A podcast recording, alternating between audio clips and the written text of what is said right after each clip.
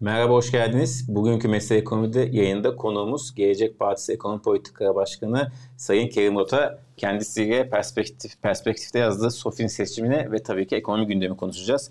Kerim Bey merhaba, hoş geldiniz. Hoş bulduk. Nasılsınız? İyiyim, teşekkür ederim. Sizler değil misiniz? Biz deyiz. Çok teşekkür ederiz. Ee, çok sağ olun geldiğiniz için. Şimdi e, yine güzel bir yazı yazdınız SOFİ'nin seçimi diye. Onu konuşacağız. Tamam. Ama onun öncesinde biraz daha sıcak gündeme ilgili size bir iki soru sormak istiyorum. Mesela konumuz BOTAŞ. E, BOTAŞ'ın Rusya yapacağı ödemelerde Türkiye erteleme istedi 2024 yılına kadar yani seçim sonrasına kadar. E, hepsi diye bir kısmı dendi. Sonra bugün e, Sabah gazetesinde yanlış hatırlamıyorsam erteleme değil indirim istediklerini söylediler. Çünkü erteleme biraz bir hani, panik havası da yarattı. Ne oluyoruz diye. Önce şunu sorayım size. Bu e, borçlara öteleme e, işi ne demek? E, bu neden istendi? Amacı ne? Ee, şimdi öncelikle Türkiye'de seçimlere bir seneden az bir süre kaldığını bence hiç hafızamızdan çıkarmamamız lazım.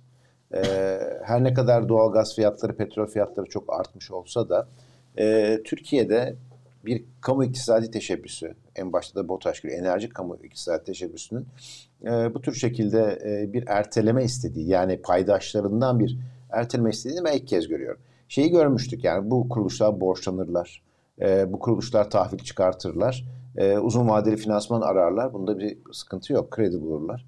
Ama e, direkt muhatabından erteleme e, isteme eğer doğruysa e, tabii oldukça e, görülmeyen bir şey.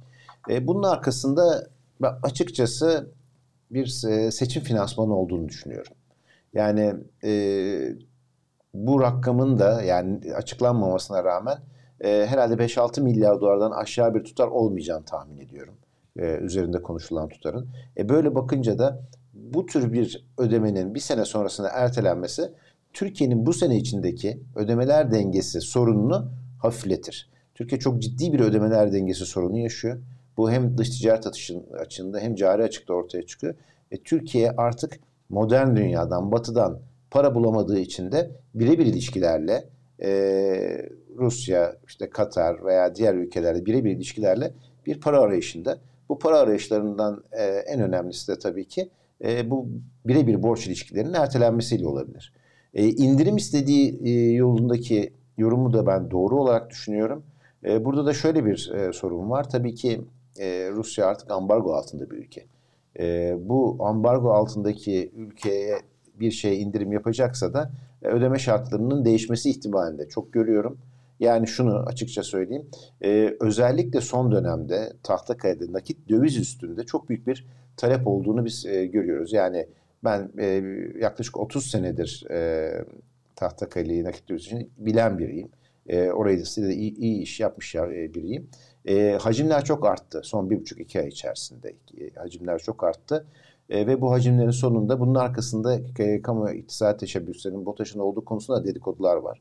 Eğer böyleyse hani bu indirimin belki nakit döviz karşılığı olabilir veya başka türlü olabilir. E, farklı yollarla ödeme de e, gündeme gelebilir ama yani Türkiye e, Cumhuriyeti'nin artık e, 100. yılını kutlamamıza bu kadar az kalmışken e, işte nakit ödemeydi veya işte borcun ertelenmesiydi gibi konulardan çoktan uzaklaşması gelip uluslararası finans kuralları ne emrediyorsa e, o şekilde iş yapması bence daha doğru. E, ama maalesef geldiğimiz noktada özellikle ödemeler dengesindeki e, turizm sezonunda bitişiyle beraber başlayan sıkıntı sebebiyle ben bu haberlerin her ikisinde doğru olduğunu yani hem erteleme e, talebinin hem indirim talebinin de doğru olduğunu düşünüyorum. Peki şimdi e, bu gündeme düşünce bu haber şöyle bir soru e, insan aklına geldi ya olmazsa. Olmazsa endişelenecek bir durum mu var Türkiye açısından? Şimdi şöyle işte bu tür haberlerin de en büyük sıkıntısı bu. Yani bu tür girişimlerin en büyük sıkıntısı bu. Ee, bir girişime girersiniz olmazsa e, o zaman niye istedik? Arka tarafında bir sıkıntımız var sorusu e, hemen aklımıza geliyor. Benim de aklıma geldi. E, şöyle net bir şey var. Bence bu sene seçim senesi olmasaydı ne AK Parti hükümeti e, ne BOTAŞ e, aracılığıyla böyle bir erteleme, indirim e, bence çok gündeme gelmezdi. Çünkü indirim dediğiniz şey aslında çok uzun vadeli sözleşmelerle bunlar e, alınan şeyler. E, indirimin iki sebebi olabilir. İndirim talebinin iki sebebi olabilir. Bir tanesi e, gerçekten o para sizin kasanızda yoktur. Bunu ödeyecek durumunuz artık yoktur. Bunu pek olası görmüyorum. Çünkü devlet BOTAŞ'a inanılmaz kaynak aktardı. Yani benim en son hatırladığım kadarıyla 140 milyar liranın üstünde BOTAŞ'a verilen bir borç ve sermaye transferi var. E, bu kaynağı TL olarak aktarıp para göndermekte ben çok büyük bir sıkıntı yaşayacağını e, pek e, gör, görmüyorum. Yani bu para paranın ödenememesi e, ihtimalini pek görmüyorum ama ikinci en önemli e, sebebi de biraz önce söylediğim gibi seçim finansmanı. Oraya ödenecek parayı e, başka yerlerde kullanma hevesinden kaynaklanıyor. Çünkü bunlar bütçeden çıkan paralar. Yani bu Merkez Bankası rezervi gibi dokunulamaz, kullanılamaz rakamlar değil.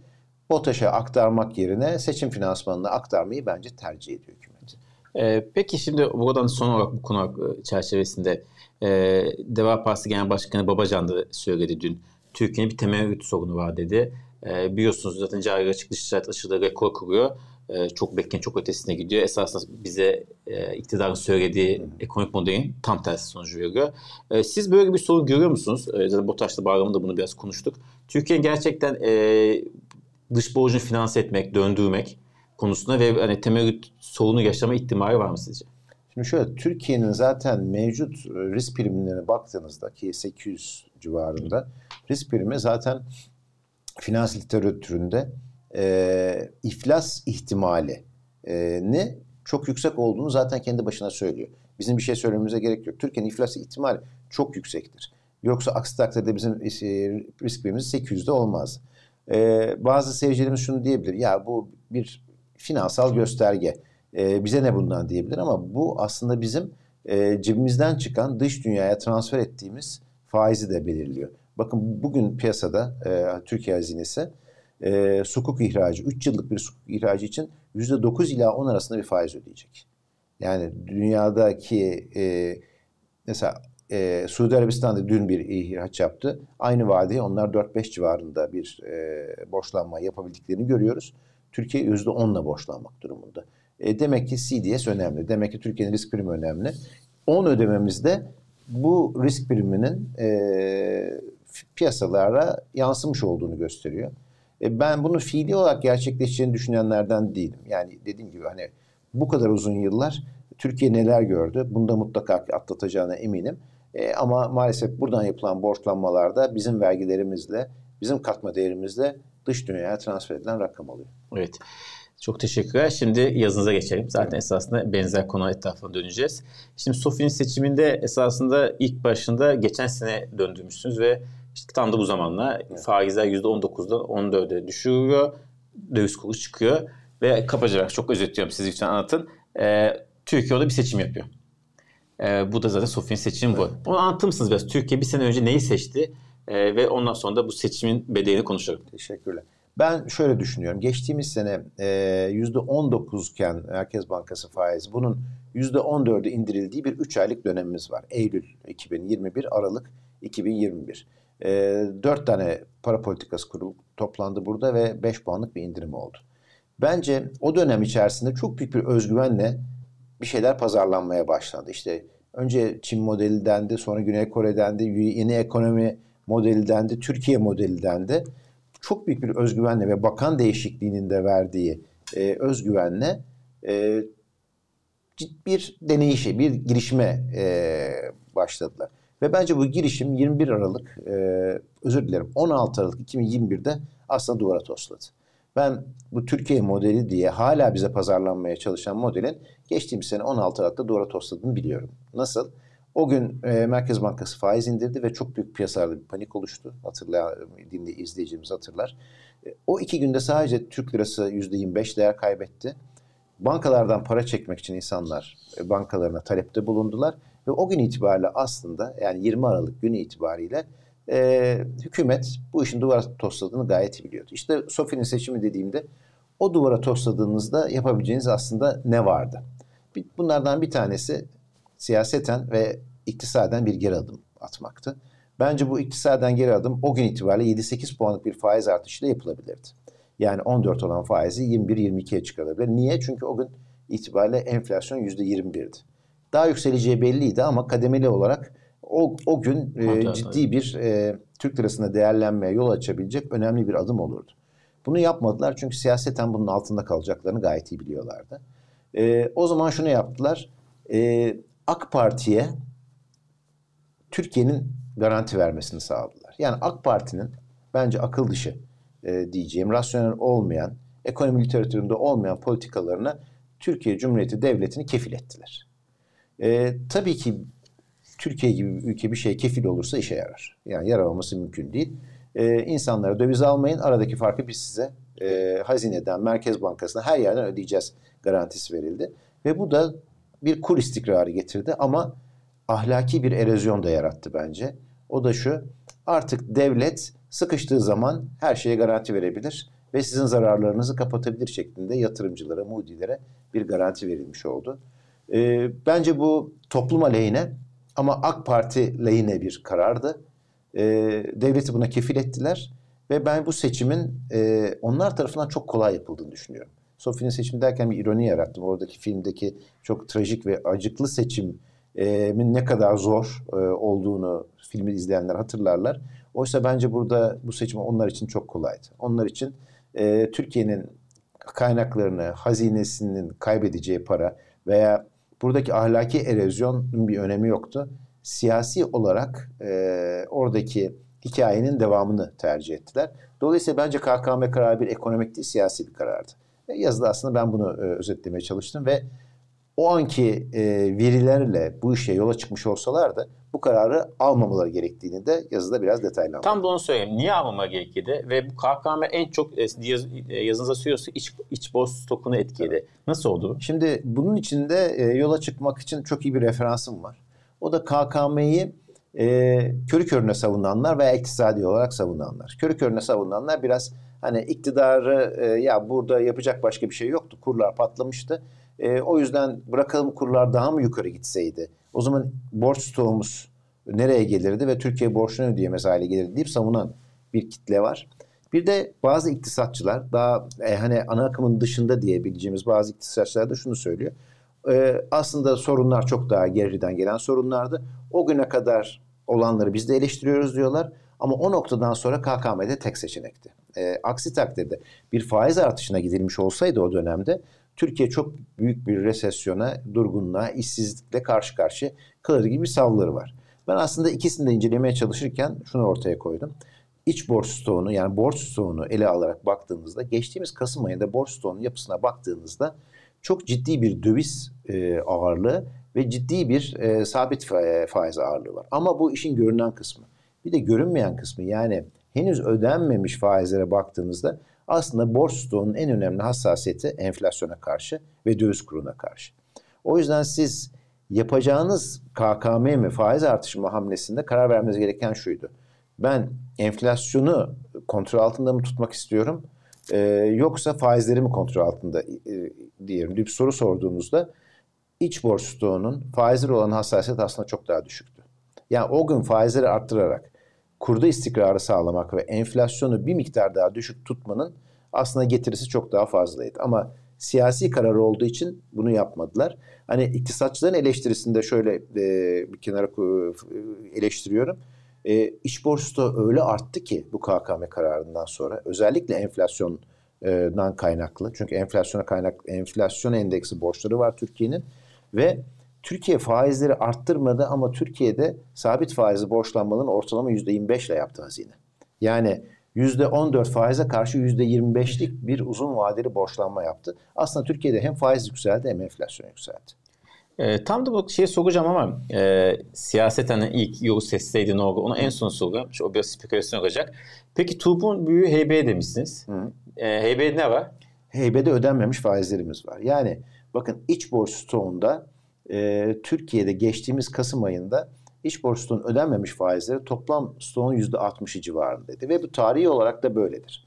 %50 ile 60 arasında gider gelirdi. Bugün itibariyle bugün geldiğimiz noktada ödenmemiş faizler iç borç stoğunun 1.4 katına çıktı. Rakam olarak vereyim. Bugün iç borç e, ödenmemiş e, faizleri e, yaklaşık olarak 2 e, trilyon lira civarına gelmiş vaziyette e, özür dilerim 2.4 trilyona gelmiş vaziyette.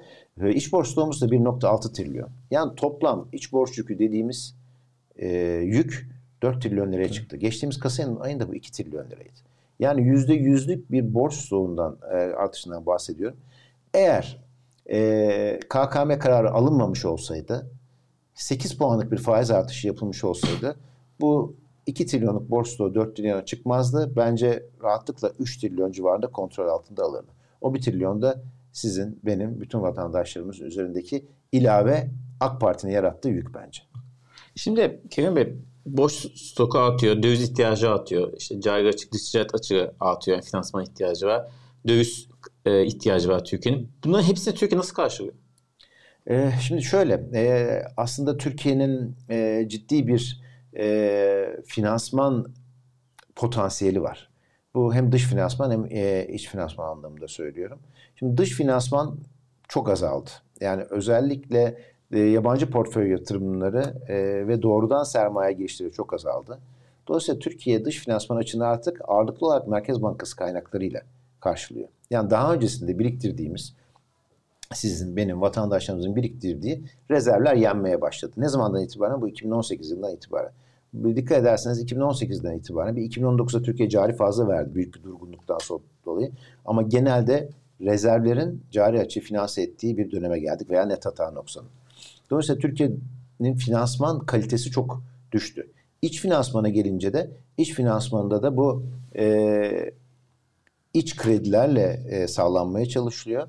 Yurt içi kredilerle veya bu yurt içi kredilerde çok büyük bir enflasyon ve döviz kuru sorununa bizi götürüyor. Bakın son aylarda döviz kurundaki stabiliteye neye borçluyuz diye e, sor, sorarsanız bence kesinlikle kredilerde frene basılmasına borçluyuz. Türkiye ne zaman kredilerde gaza basar? Çok büyük bir cari açık e, ve bir e, ciddi anlamda bir enflasyon sorunuyla karşı karşıya e, kalabiliyor ve bir kur sorunuyla.